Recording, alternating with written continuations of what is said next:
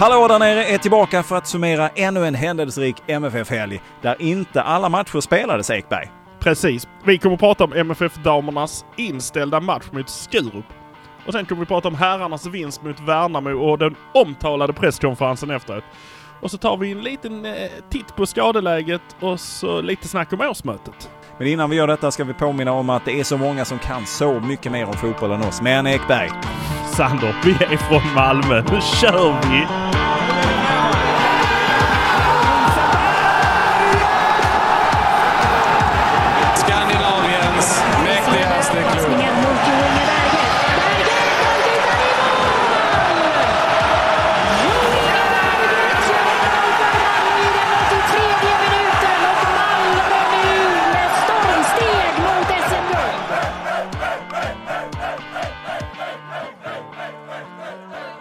Strax ska vi prata Svenska Cupen och herrarnas seger. Men vi måste börja med matchen som aldrig blev av. På lördagarna på lördagen kom det nämligen information om att DM-matchen mellan MFF Dam och Skurups AIF ställdes in. Va, vad var det som hände Ekberg? Ja men det som är sagt är att Skurup inte fick ihop ett lag. Ehm, och det är ju då tacka nej. Det blir VO och de, eh, de Malmö tilldöms ju den här segern med 3-0. Men, Ja. Men så blir jag lite så här tvek på det där. Jag, har, jag, jag ska börja med att säga att jag har ställt en fråga till tävlingsledningen på Skåneboll. För, så jag har inte fått svar än men jag hoppas det kommer. För det är ju nämligen som så här, det är 27 grupper. Och av dem är det 18 bästa tvåorna som går vidare. Så det går liksom vidare 27 ettor och 18 bästa tvåorna. Mm. Kommer målskillnaden spela roll där? Då är ju detta ett extremt taktiskt beslut kanske av Sturup. Ja. Sturup är ju ett Såklart. aspirerande lag som vi pratade om i förra. Att de är ju ett lag som gör som Malmö. Börjar om i fyran, gick jävligt fint igenom eh, division 4. Ligger nu i division 3 vill gå fint igenom den också. Men de vet ju att de kanske inte är på samma nivå som Malmö. Kunde riskerat eh, 5-0, 7-0, eh, kanske inte 10 men... Ja, alltså man vet inte var det hade kunnat sluta. 12-2. Eh, ingen aning. Men det är ju betydligt sämre 3 0-3. Om man nu ska behöva räkna in målskillnad när man jämför sig med de andra 18 eh, eller 17 blir det då ju tvåorna. Tvåorna. Om man har den ja. ambitionen. Ja. Vad, vad, vad tycker du? Vad känner du inför det här då? Kan du förstå det eller känner du bara, men så, så här ska det inte funka? Jag kan förstå det och eh, jag tycker det är ett fult spel om det är så. Visst, jag, jag förstår ju att kanske på damsidan att de får ha den här med walkover på ett annat sätt eftersom de kan ha svårare att få ihop lag. Det, de är lite känsligare när det gäller det än vad det är på här sidan. Men eh, Ja men alltså resurserna är ju såklart helt annorlunda och, är på, i de, och ännu längre. Det, det, det, är resurserna, det är stor skillnad på resurserna även i toppen av den svenska damfotbollen jämfört med herrarna. Men kommer vi ner då ett par divisioner ner så, så är det ju verkligen folk och, och sp- människor som spelar, folk som spelar för eh, att de vill och, och har då fulltidsjobb och familj och allting annat som pågår parallellt. Så att jag förstår ju att det kan vara kruxigt men det är ju också en, det är ju en liten, det blir knepigt i de här lägena, känner jag. Ja men det tycker jag också. Jag tycker det är... Eh, skulle det vara så att det är liksom... Eh, att det är gjort taktiskt. Att de går vidare på den här grejen. Så, Mm. så tycker jag det är fult gjort. Och då hoppas jag att de Mm. möts igen i en kvartsfinal eller någonting. Så att de kan eh, riktigt smälla till dem. För eh, någonstans down the line möts man igen. Så är det ju såklart och vi får väl se här nu då ifall, ifall nu Skurup har problem att få ihop lag kommande match också eller om detta bara är en engångsföreteelse. För då, då kan man ju verkligen börja spekulera i varför var det just mot Malmö? Varför var det så tufft att få ihop det då till deras match men till de andra matcherna verkar det gå bättre. Ja, och jag ska inte, jag lägger in den här brasklappen att jag vet ju inte om de kanske i och med denna här eh, walkovern åker, åker ut, alltså inte är med längre i för att det var ju lag som inte, kände att de inte fick ihop det. Därför ströks Malmös grupp och så de lagen som var i den gruppen spreds ut i andra grupper. Det har redan hänt Ja. liksom. Därför blev det lite omkastning i, i spelschemat för Malmö. Men det får man, det, jag har ställt frågan. Eh, vi får se vad tävlingsledningen återkommer med. Det spelades dock en match den här helgen och det var på här sidan. I lördags tog man emot Värnamo. Direkt avgörande omgång i Svenska Kuppen.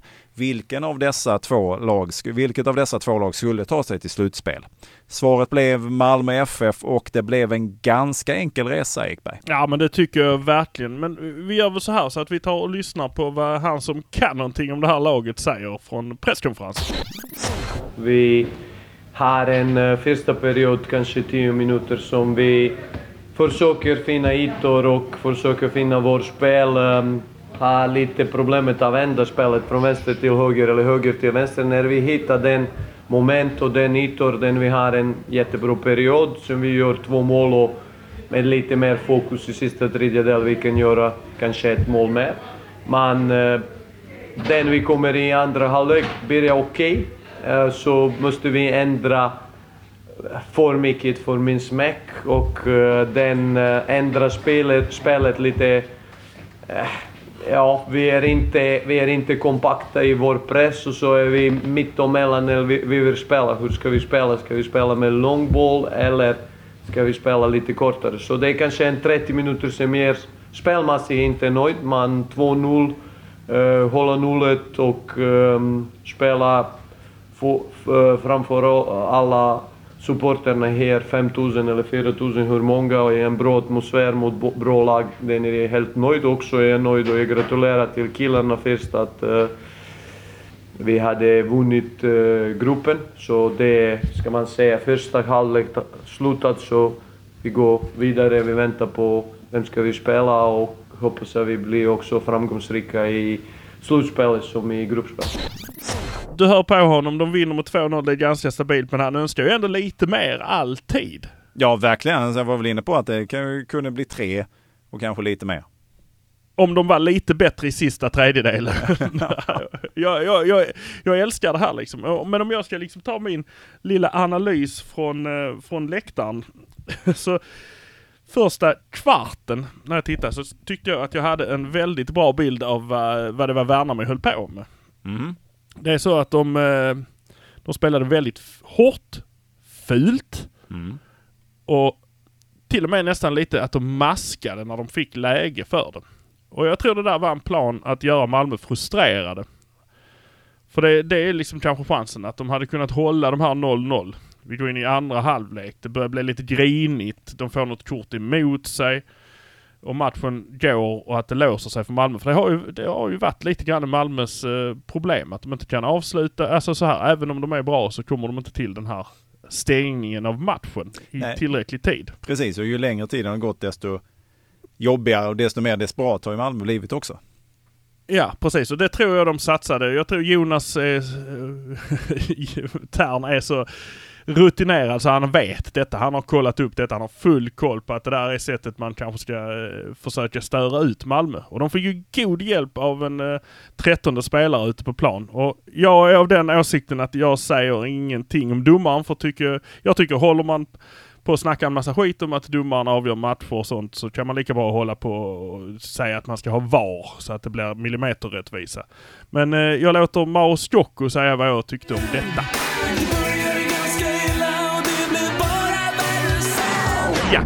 Nu vi i honom. Klassiker. Ja. gammal klassiker, verkligen. Men det var det som gick i huvudet på mig. Jag är glad att det är över.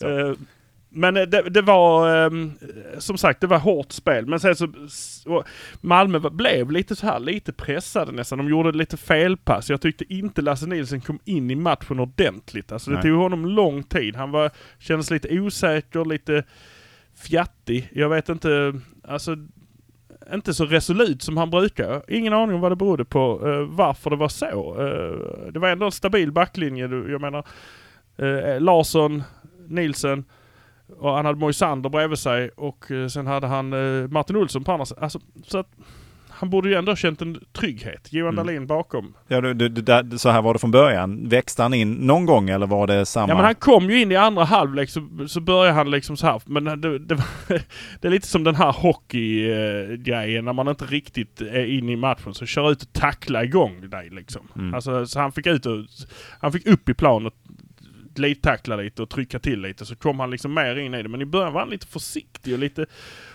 Men, Mm. men jag, jag tänker lite grann, för Moisander gick väl ut i halvtid också. Men jag tänker att eh, om, om det kunde vara någonting, de har ju inte spelat supermycket ihop. Tänkte om, om någonting ja, hängde ja, ihop med detta. ja, ja, kanske det. Kanske det. Ehm, men jag, jag, ja, jag vet inte, det var bara det kändes så o-Lasse Nielsen. Så som han var i första, första stunden där i, i Mm. första halvlek. Som sagt, felpassar och det var lite, lite sådär eh, fjattigt och gnabbigt. Men, ehm, Men var det att han inte gick in riktigt i det eller var, var att han, hade han, att han Ja, inte men han, hittade var, han, balansen? tittade liksom, han tittade liksom åt fel håll när, det, liksom så här, när de sprang hemåt och fick nästan bollen i ryggen och slog passningar som inte rikt, liksom, riktigt gick fram. Och, eh, han känns helt otajmad i Mm. början, tyckte jag. Som sagt, Värnamo spelar ju hårt. Ja. Och en, jag alltså, en som jag är superförvånad över det är ju Peña. Han ser ut som en superlegist. Han ser ut som Vatos Locos direkt alltså. Som han, det ska smälla vilken sekund som helst. Och det oroar mig för det, det, han, gör, han är verkligen lugnet själv där ute i alla situationer. Han går liksom in och plockar bollen av motspelarna eh, Ja. utan att vara aggressiv på något sätt. Så jag är bara rädd att när det väl rinner över för honom så kommer han ta fyr.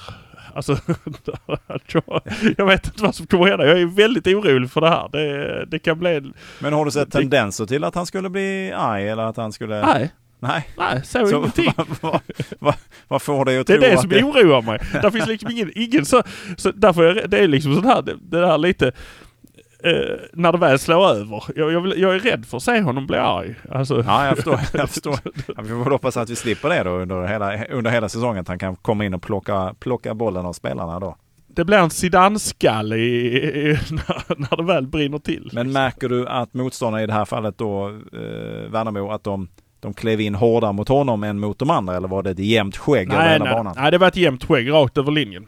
Eh, Rakip hade väl en eh, rätt mycket liksom så här. Men eh, han skötte sig utmärkt tyckte jag. Det var så första kvarten kanske. Mm. Sen resten av första halvlek så spelar ju, så spelar ju Malmö ut dem. Det var... De hade ju press två meter upp från, från liksom kortsidan. De, de pressade ju dem ner nästan så de slog ut den till hörna själv. Alltså när de ha- hade uppspel. Det, det, det låter som att detta är bland det bästa du sett någonsin av MFF de senaste tio åren.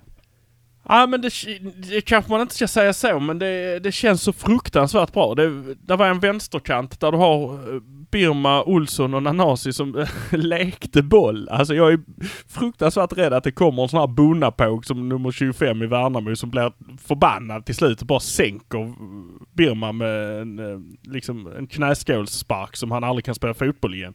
För att Nej. det var klackar, det var tunnlar, det var växelspel mellan de här tre som bara de stod, det ser ut som de andra stod stilla bara och titta. Och sen på andra sidan så har vi Larsson och Berget och Rakip som går in däremellan och kör. Det är liksom stenhårt, det är snabbt, det är liksom tju, tju, tju, tju, tju, precision. Och sen Peña som bara lugnet själv går och plockar bollarna ifrån från motståndarna. Så han tar bara ett steg in så har han bollen. Det är precis som man fattar att, haha den bollen där, jag tar den och så går han vidare med den. Uh, nej, det... Och då har vi ändå liksom... Abubakari kommer inte riktigt in i matchen, eh, känns det som. Men det, det tänkte man inte direkt, direkt på. Men han var ju med. Vi var ju lite oroliga där efter träningen. Du eh, var ju lite orolig där att han kanske hade, skulle kunna vara borta en längre tid. För det, det lät så och kändes Ja så. men precis. Ja, det, det, precis. Det var ju som att han hade dratt baksidan på något sätt. Och eh, i, i, som de är i det här läget så är de ju jätteförsiktiga. De vilar ju spelare hellre Mm. än att, att köra på dem. Och det är ju för att... Alltså vad, vad ska, vad ska man... AC var inne i fem minuter. Ja, Nej, jag vet inte. vi ska aldrig- världens märkligaste byte. vi ska alldeles strax prata om detta. Men vi måste ändå prata lite om att eh, Milos pratade lite om Birma eh, också på presskonferensen. Absolut. Vi har ju pratat om det att han eh, efter tre mål i första omgången inte var riktigt nöjd med hans insats. Och han fick frågan denna gången också från eh, Fotbollskanalen. Eh, ja, vi kan ju höra här vad han säger. Jag vill ha också det samma idag. För, hur jag förstår fotboll, han kan göra tre mål idag. Han gör det ett. Är jag nöjd? Jag är nöjd. Han, eh, han och, och Martin hade haft en period som eh, de spelade en, en fantastisk fotboll, en tillslagsfotboll. två mot två, två mot tre, två mot ett. Så de kommer alltid i, gäck. Så det är, det är inte jag klagar, men jag vet att han kan mer. Och jag vet också att Martin kan mer än 65 minuter, så det är det jag vill sätta lite press på dem. Men eh, är nöjd. Han och Olsson, det var bra men de kunde varit bättre. Men är det, är, det, är det så här att Milos har lite för höga tankar om Birma? Nej, det tror jag inte. Jag, eh, nej, det tror jag verkligen inte att han har. Alltså, utan jag tror eh, han har höga tankar om alla. Han, jag tror han ser potentialen hos alla där. Eh, och vill att de ska uppnå den potentialen hela tiden. Eh, det är nog snarare det. Och han ser att Birma, han, han hade några lägen där han, där han, ja, han skulle gjort mål. Han, alltså, det borde han ha gjort. Mm. Han är så bra avslutare så han skulle gjort mål. Och brister Men det blev inte i, det. i avslutet, brister det då i, i skärpan att han eh, inte fullföljer ordentligt? Vad, vad, beror, vad beror den här bristen ja, på? det, ja men det är väl att han inte, ja på något sätt så gör han det lite för svårt för sig själv. Han kan det där. Men han, eh, han klödar till det med en extra dragning kanske. Så drar, alltså, fullt, förstå, alltså, fullt förståeligt att han, han, han håller alla till en hög. För han sa ju att Martin Olsson också kunde varit, de kunde gjort bättre tillsammans. Mm. Och då gör de det ändå här, som jag sa precis, det var fruktansvärt bra Ja, där ute på den kanten.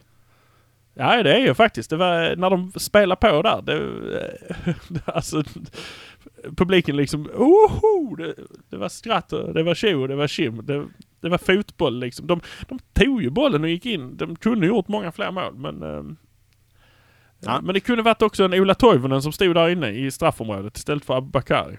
Som eh, har mer erfarenhet, som har bättre eh, målsinne på det sättet liksom. Han är också stor och han är också stark. Eh, så att ehm, det kanske är det som ska till. Eller en eh, Thelin. Mm. Ja, ja. Mm.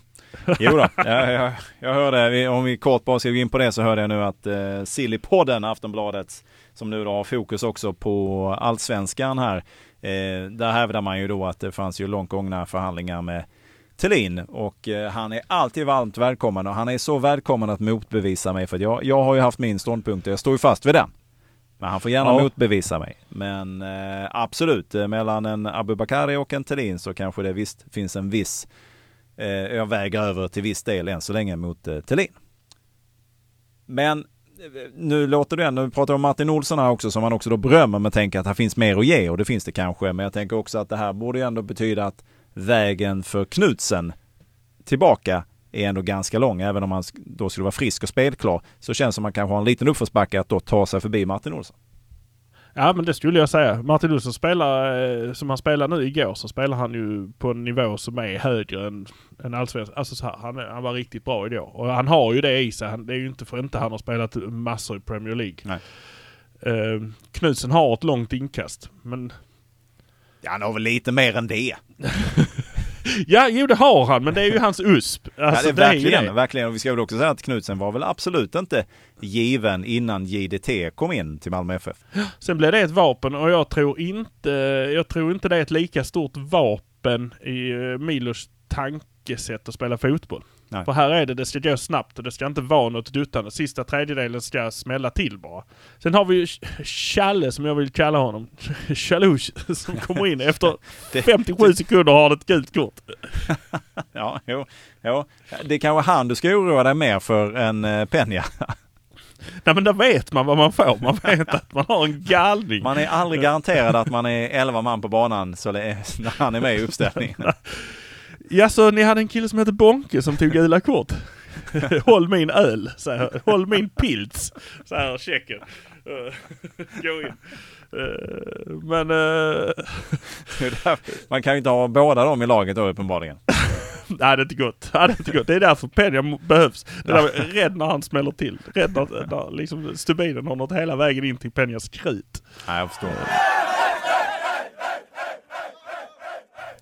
Men du, eh, vi måste, du var inne på AC där som gjorde ett av sina kortaste, en av sina kortaste insatser tror jag i sitt, vuxna proffsliv i alla fall tror jag. Jag, jag har inte full koll på hur många minuter eller sekunder han var inne på planen. Men eh, Någonstans jag vet inte om fyra och försökte... fem har jag läst. Ja precis, där någonstans emellan. Och jag vet inte om de försökte lura motståndarna genom att byta in Hugo Larsson som också är rödhårig. Men, och har samma frisyr. att de inte skulle fatta att han var Han pratar väl skånska också så det är nästan som danska då om man är från det, Värnamo. det är nästan som danska. Men ehm, ja, det, det var ju som så. Han gick in och han gick ut och frågan kom på presskonferensen eh, till Milos vad det var som hände och det här nu har jag ju liksom klippt ihop lite grann här Milos förklaring tillsammans med ACs svar. Men så här lät ju ändå eh, ordväxlingen. Ja, Det som eh, jag hade fått från medteamet, han får lite kramp i lumsken. Så eh, det är AC en eh, spelare för Saint-Tropez, för Sol och, och Marbella, du vet. Så han, han är inte van att spela på den väder igen. Jo, men først og fremmest så har jo sagt til klubben længe, at de skulle sælge mig til et varmere klima jo. Men de lyssnar typ inte jo. Ja, du, du Väldigt ju. roligt måste jag säga ändå. Från båda hållen väldigt roligt.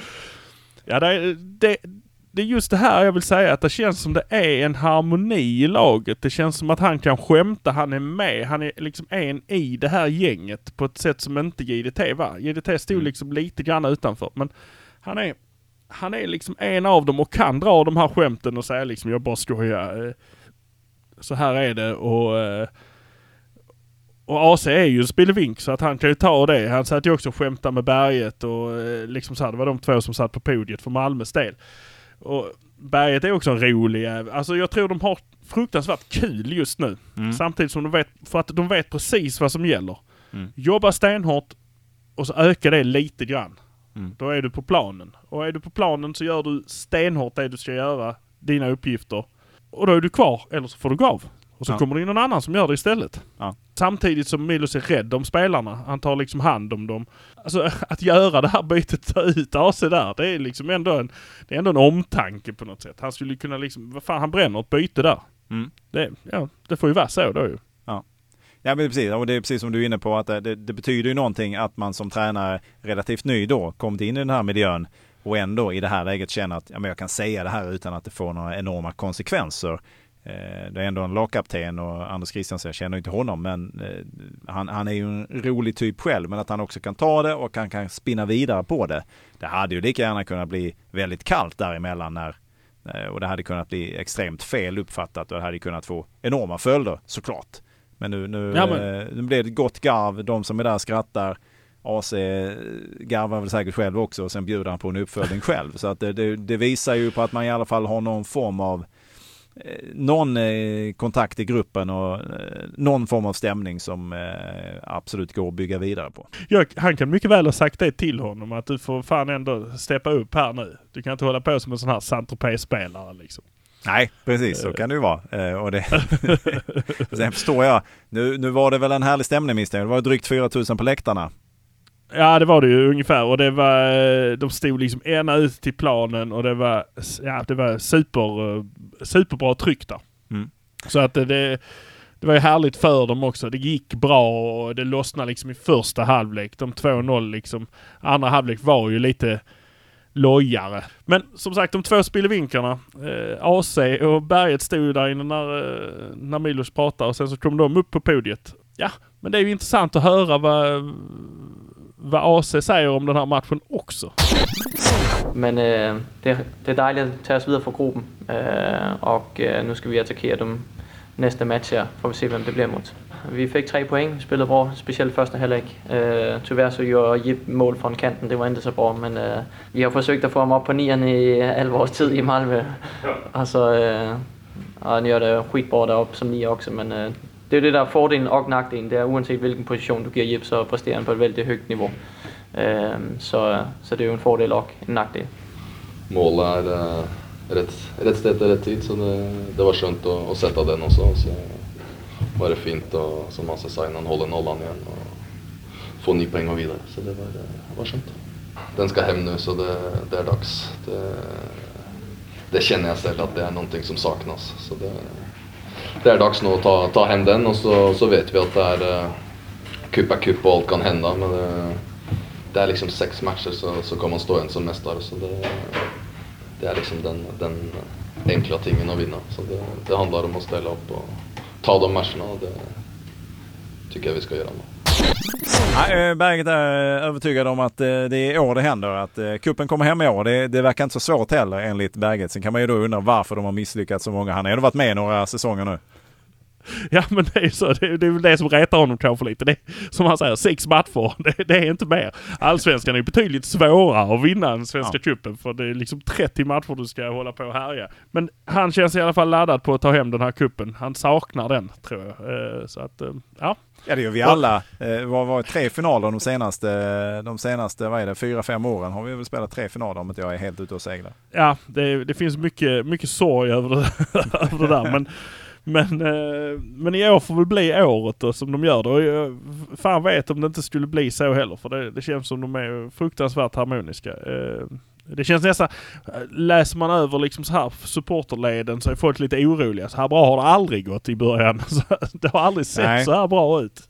Nej, man vill ju inte att de är formtoppade nu utan det, säsongen är ju lång och den har inte riktigt börjat än. Även om det här såklart är viktigt och det här jobbet måste göras nu ifall man ska kunna lyfta pokalen sen någonstans i, vad är det, maj, juni.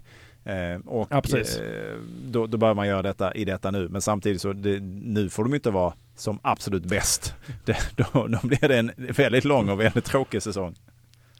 Men det är ju som eh, Milos säger, de eh, behöver vara bäst längre tid under matchen. det, var, det, det är Birma-mentaliteten vi ska ta till oss här. Det, Jag, jag det tror 90 det, han får bara stå exempel för hela laget just nu. Att, eh, 15 minuter bra är bra, men det är bättre att vara bra hela matchen. Hela 90 minuter är ännu bättre ska jag säga. Men jag såg också Olle Törner då, om jag tolkar det rätt, eh, på eh, Fotboll Skåne, som faktiskt tog ett blad ur din bok och hyllade Rakip lite grann och började se någonting annat där. Ja men alltså Rakip har ju eh, blivit en helt annan spelare när han har hamnat på den positionen han har spelat på. Han, eh, han spelar ju liksom... Och jag skulle vilja, jag tror jag ska försöka få till ett snack med Rakip och där får jag väl krypa till korset och erkänna för honom att jag inte trodde på honom inför den här säsongen för jag tyckte att han var lite för egoistisk i, tidigare. Ja, fånga det på band, det hade varit kanon att höra. Det måste jag... eh, Ska man, ska man sitta här och säga det så ska, måste jag kunna säga det till honom också. Ja. Jag kan inte sitta gå och fega bakom ryggen liksom. Nej, det, nej det, och det är helt rätt. Det är all heder till dig för detta. Ja, så jag får, men för jag måste också säga att det är en helt annan Rakip som man ser. Det är, det är en helt annan... eh, utifrån de grejerna jag hade att liksom anmärka på utifrån mitt kunnande. Så, eh, och det, det har nog också med Milos att göra. Det har också med stämningen att göra. Att, Mm. eh, han är nog ganska säker på sin position. Mm. Även om Lewicki kommer tillbaka så är han ändå säker på den rollen han har där och den positionen han har där. Eh, och han springer och han uh, tacklar och han snackar och han eh, kör på super eh, mycket. Så att... och inte den här som jag ville kalla det innan, egoistiska liksom avslutsbiten. Att han Nej. hellre tog ett skott utifrån för att han skulle avgöra matchen i, Ja. när det fanns andra som hade läget. Utan han, eh, han släpper den hellre. Men nu är han lite längre bak också. Han är ju inte direkt anfallsmittfältare Nej. längre. Utan han är ju en defensiv.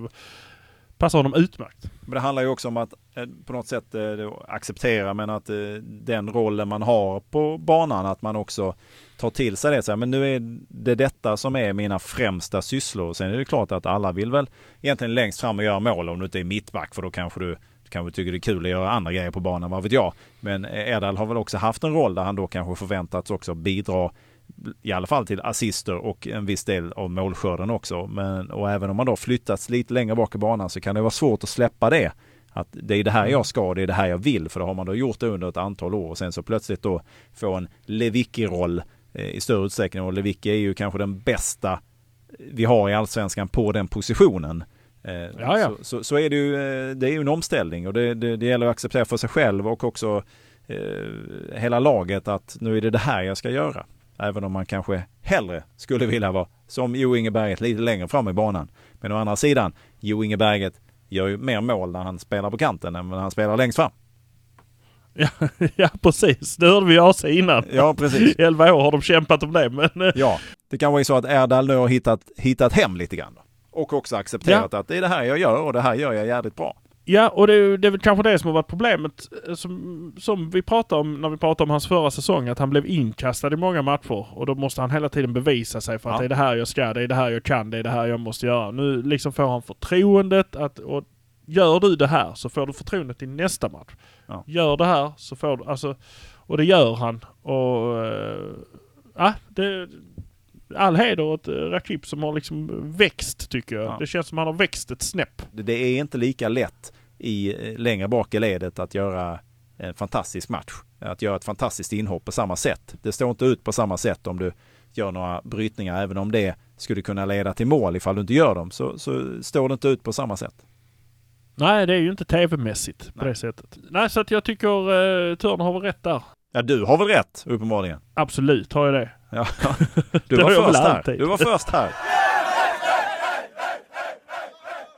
Men då är det så här, vad då om jag nu fattat rätt, då är det lottning på måndag, imorgon måndag.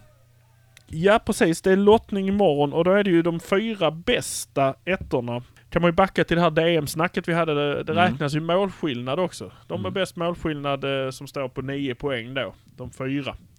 De, eh, de har liksom hemmafördelen i kvarten. Och sen så lottas de emot de andra som uppenbarligen inte lika bra. Så, så att Malmö kommer att spela hemma då nästa helg. Det är ju det är ganska så, eh, det är ganska så stora chanser för det. Det krävs rätt mycket för att det inte ska bli så. Hallå där ute! Vi på Hallå där nere vill gärna höra vad ni tycker. Vi håller på att jobba med den här produkten för er skull.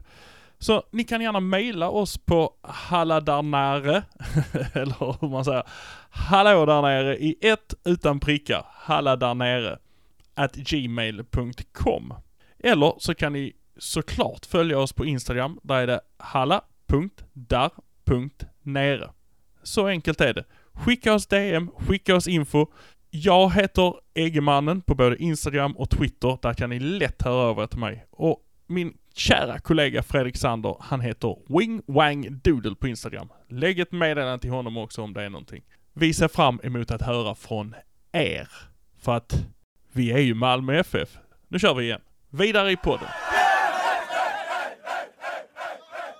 Ska vi då ta en liten, vi har varit inne och pratat lite om skadeläget här, men då är det väl ändå så här ungefär att AC då, en liten lätt känning som fick honom att gå ut. Så får vi från matchen i, i lördags, så får vi se vad det får för effekter. Det var väl så han uttryckte det själv också, att vi får väl se hur det utvecklar sig de närmaste dagarna. Men förhoppningsvis ska det inte vara någon större problem.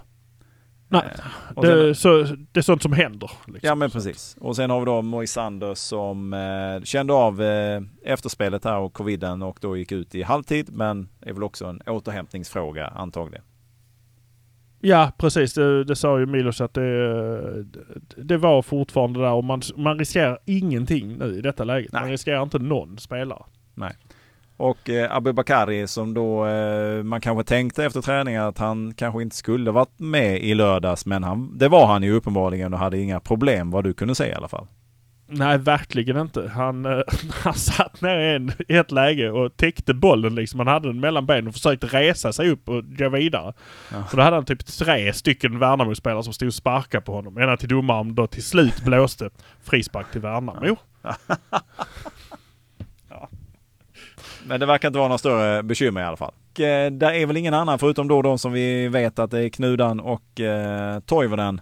Och då Lewicki också. Eh, Lewicki vet vi ju inte. Det, det är ju neverending story känns det som. Och... Eh, han, han springer med lite grann på träningarna och grejer. Eh, Knudan känns ju lite längre ifrån än vad Lewicki gör. Men, eh, Ja, okej. men det kanske också är så. Varför riskera? Det kommer att bli en supertuff höst. Det, kanske är, det kanske är bättre att bara ha honom hel-hel och inte, verkligen inte riska något. För som vi pratade om för två sekunder sedan, Rakip sköter ju rollen Mm, absolut i detta läget.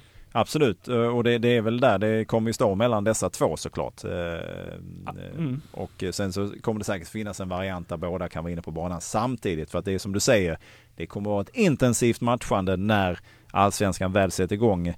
Både inför under våren här men framförallt sen när Europa kvalet drar igång och sen då ska man försöka avsluta inför ett VM som man, ja, vi får väl än så länge anta att det kommer att bli av men vem vet hur det ser ut någonstans där framåt eh, hösten 2022.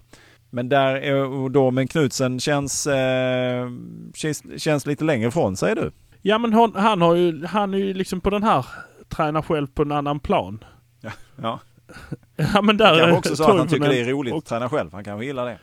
Ja, då är en sån ensamvarg. Ja, det gillar Det är kanske därför han har lärt sig att kasta bollen så långt bort Ja. som möjligt. För att ingen annan ska vara nära honom. Nej, ja, okej, jag fattar. Han kör fortfarande, han har ju inte gått in. Men har Lewicka har väl inte heller riktigt gått in i kontaktträning? Nej men han är i alla fall med på samma plan. Han står lite bakom, lite ser. bredvid. Där ser du skillnader ändå. Är man med på samma plan, då är man lite på, närmare. ja, på riktigt ja. Alltså, Toivonen har ju varit så också ett tag att han var med en del Ja. Och sen så gick, gick han liksom till en annan halva av planen och så spelade de på andra halvan och så, så fick han springa själv där. Så att så har det ju sett ut. Uh, Lewicki tillsammans med Toivonen och sen så har det liksom varit att Toivonen har fått gå in mer och mer spel och nu var han ju med ordentligt i veckan. Eh, så att Mm. det är det jag vill säga. Lewicki tar in samma steg som Toivonen. Jag, jag tror de har en eh, ganska bra liksom sån här uh, trappsteg. Där. Ja, vi håller tummarna för detta då. Innan vi eh, rundar av för idag så måste vi prata lite om det som hände i fredags. För då höll nämligen eh, Malmö FF sitt eh, årsmöte. Och Ekberg, du satt på länk och bevakade detta. Alla, vad var det, tre och en halv timme de höll igång. Det var jättelänge.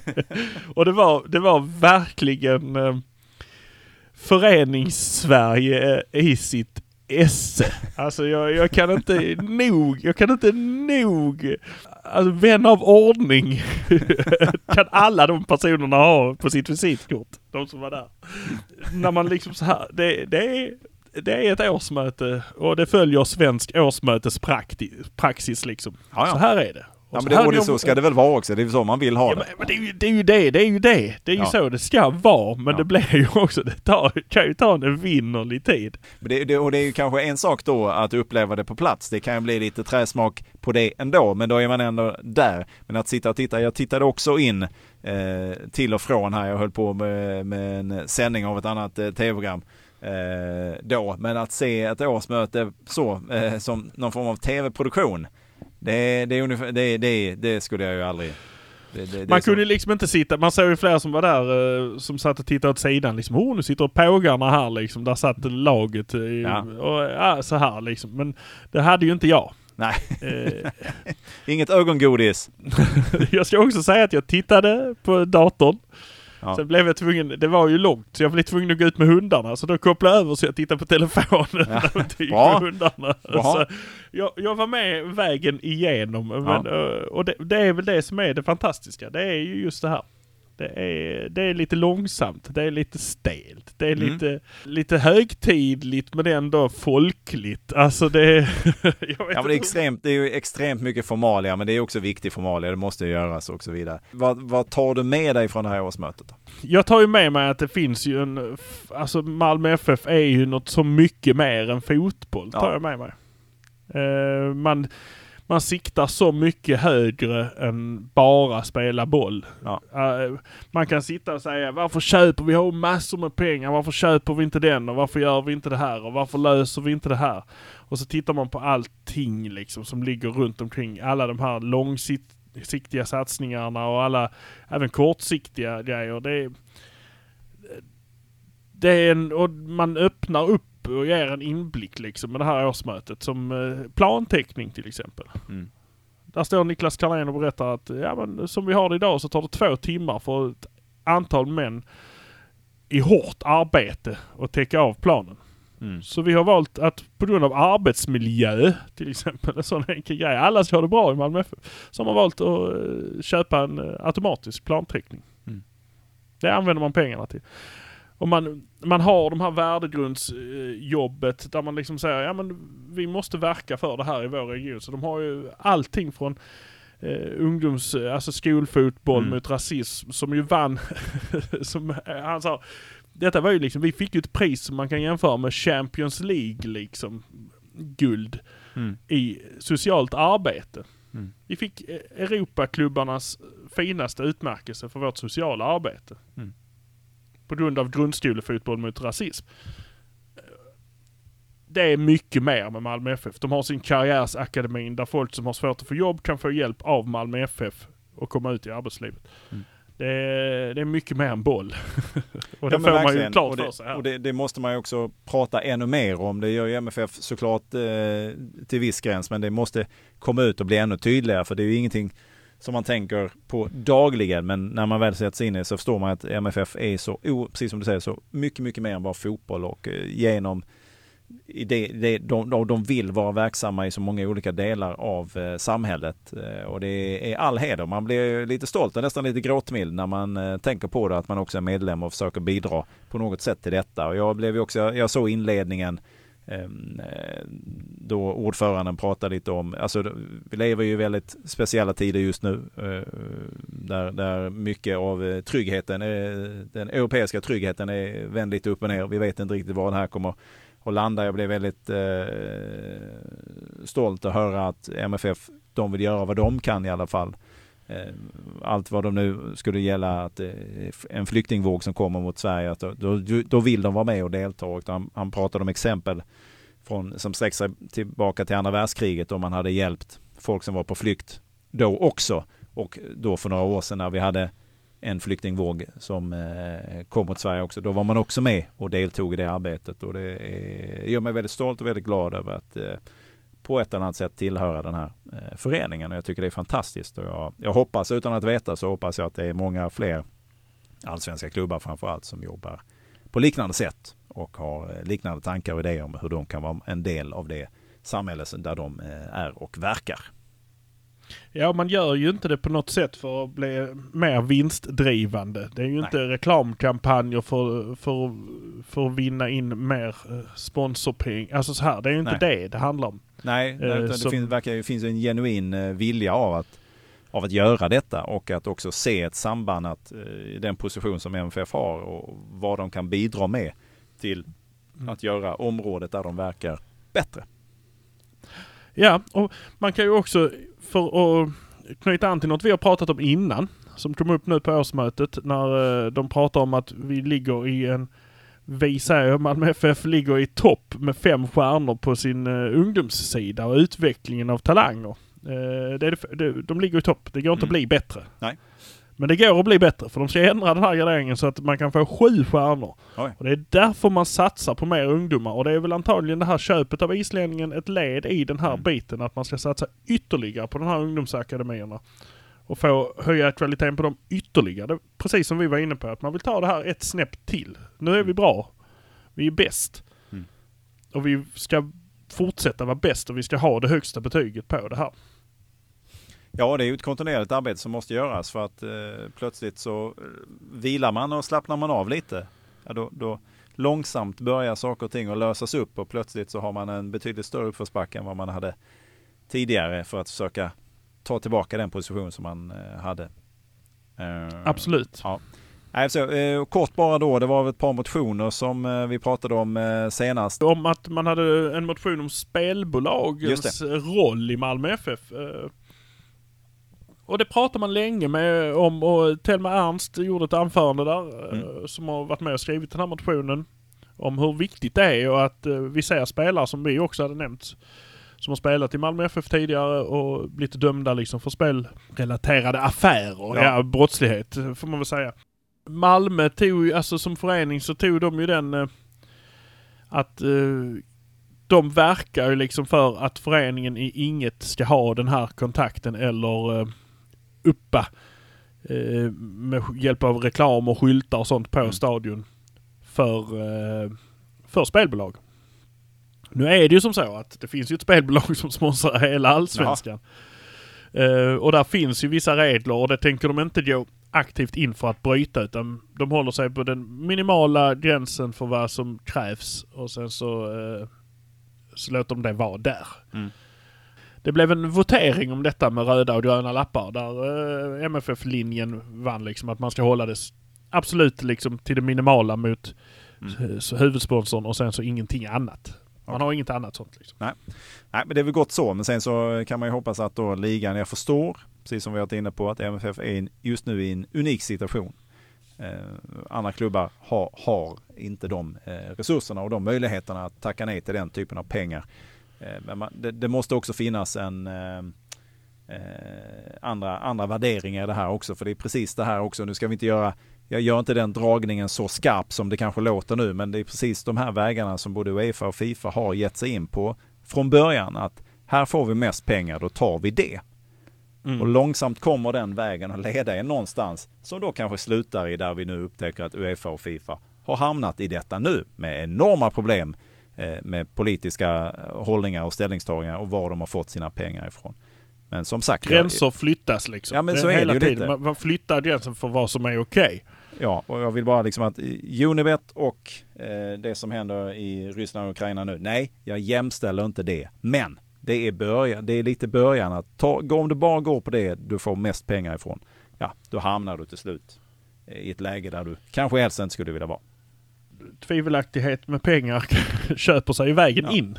Ja, men så Eh, är det köper, köper bort moralen. Eh, Gränserna flyttas för vad, Ja. man, vad Ja, som är ja, men- moraliskt riktigt kanske. Hela tiden. Man kan ju också göra liknelsen att skulle vi då ta bort att det är ett spelbolag och så sätter vi någon form av alkoholfabrikant istället. Då hade det inte varit något snack. Det hade aldrig gått. Sen går det att köpa sig runt det med att man har ett alkoholfria alternativ. Det är liksom det är, det är bara en Falken chimär. alkoholfria Ja, men alltså det blir, det blir så töntigt att det går bra att göra reklam för alkoholfria produkter, produkter för ett företag som, eh, som, som i huvudsak gör alkoholrelaterade produkter.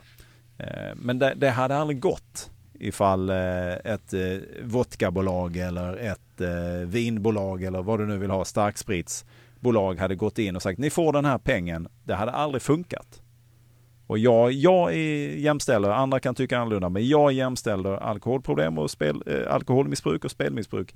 Det jämställer jag. Det är samma sak i min Ja men det tycker jag det är, det är en linje vi drar eh, rätt av. Men det var väl det om det. Ett årsmöte som eh, går till historien på, av många olika skäl. Eh, men du, innan vi då rundar upp detta. Ryggtavlan Ekberg, hur ser det ut på ryggtavlan här, eh, just i detta nu? Ja du, ja du, vad, vad ska vi säga om ryggtavlan? Det finns så mycket. Men jag eh, eh, skulle faktiskt vilja sätta Nanasi på ryggtavlan. Jaså? Han kommer tillbaka? Han kommer tillbaka, eh, för det han visade nu i matchen eh, igår, ja det, det var eh, så, alltså hela attityden, hela han och hela liksom hans skratt när det liksom så här. jag, jag kunde se på honom hur han sa till den här backen att håll inte på och larva dig. Jag, jag, jag går runt dig nästa gång. Så går han runt honom. Alltså det är den blicken han har. Han var ute och drack vatten. Han, han log liksom. Hela han var i harmoni. Eh, han fick spela fotboll. Det är så jävla eh, härligt. Ja, vad härligt då. Då är det alltså Nanasi på ryggen. Ja, Okej, då så. Och eh, ska vi då ta en liten kik i maratontabellen också? Det kan vi väl göra. Eh, Jag bläddrar lite grann här. Där har vi, där, där- har vi Malmö FF. De ligger etta. Ja, vad härligt. Även denna härliga dag så gör de detta. Men då tycker jag att vi sa så och så säger vi Hallå där nere!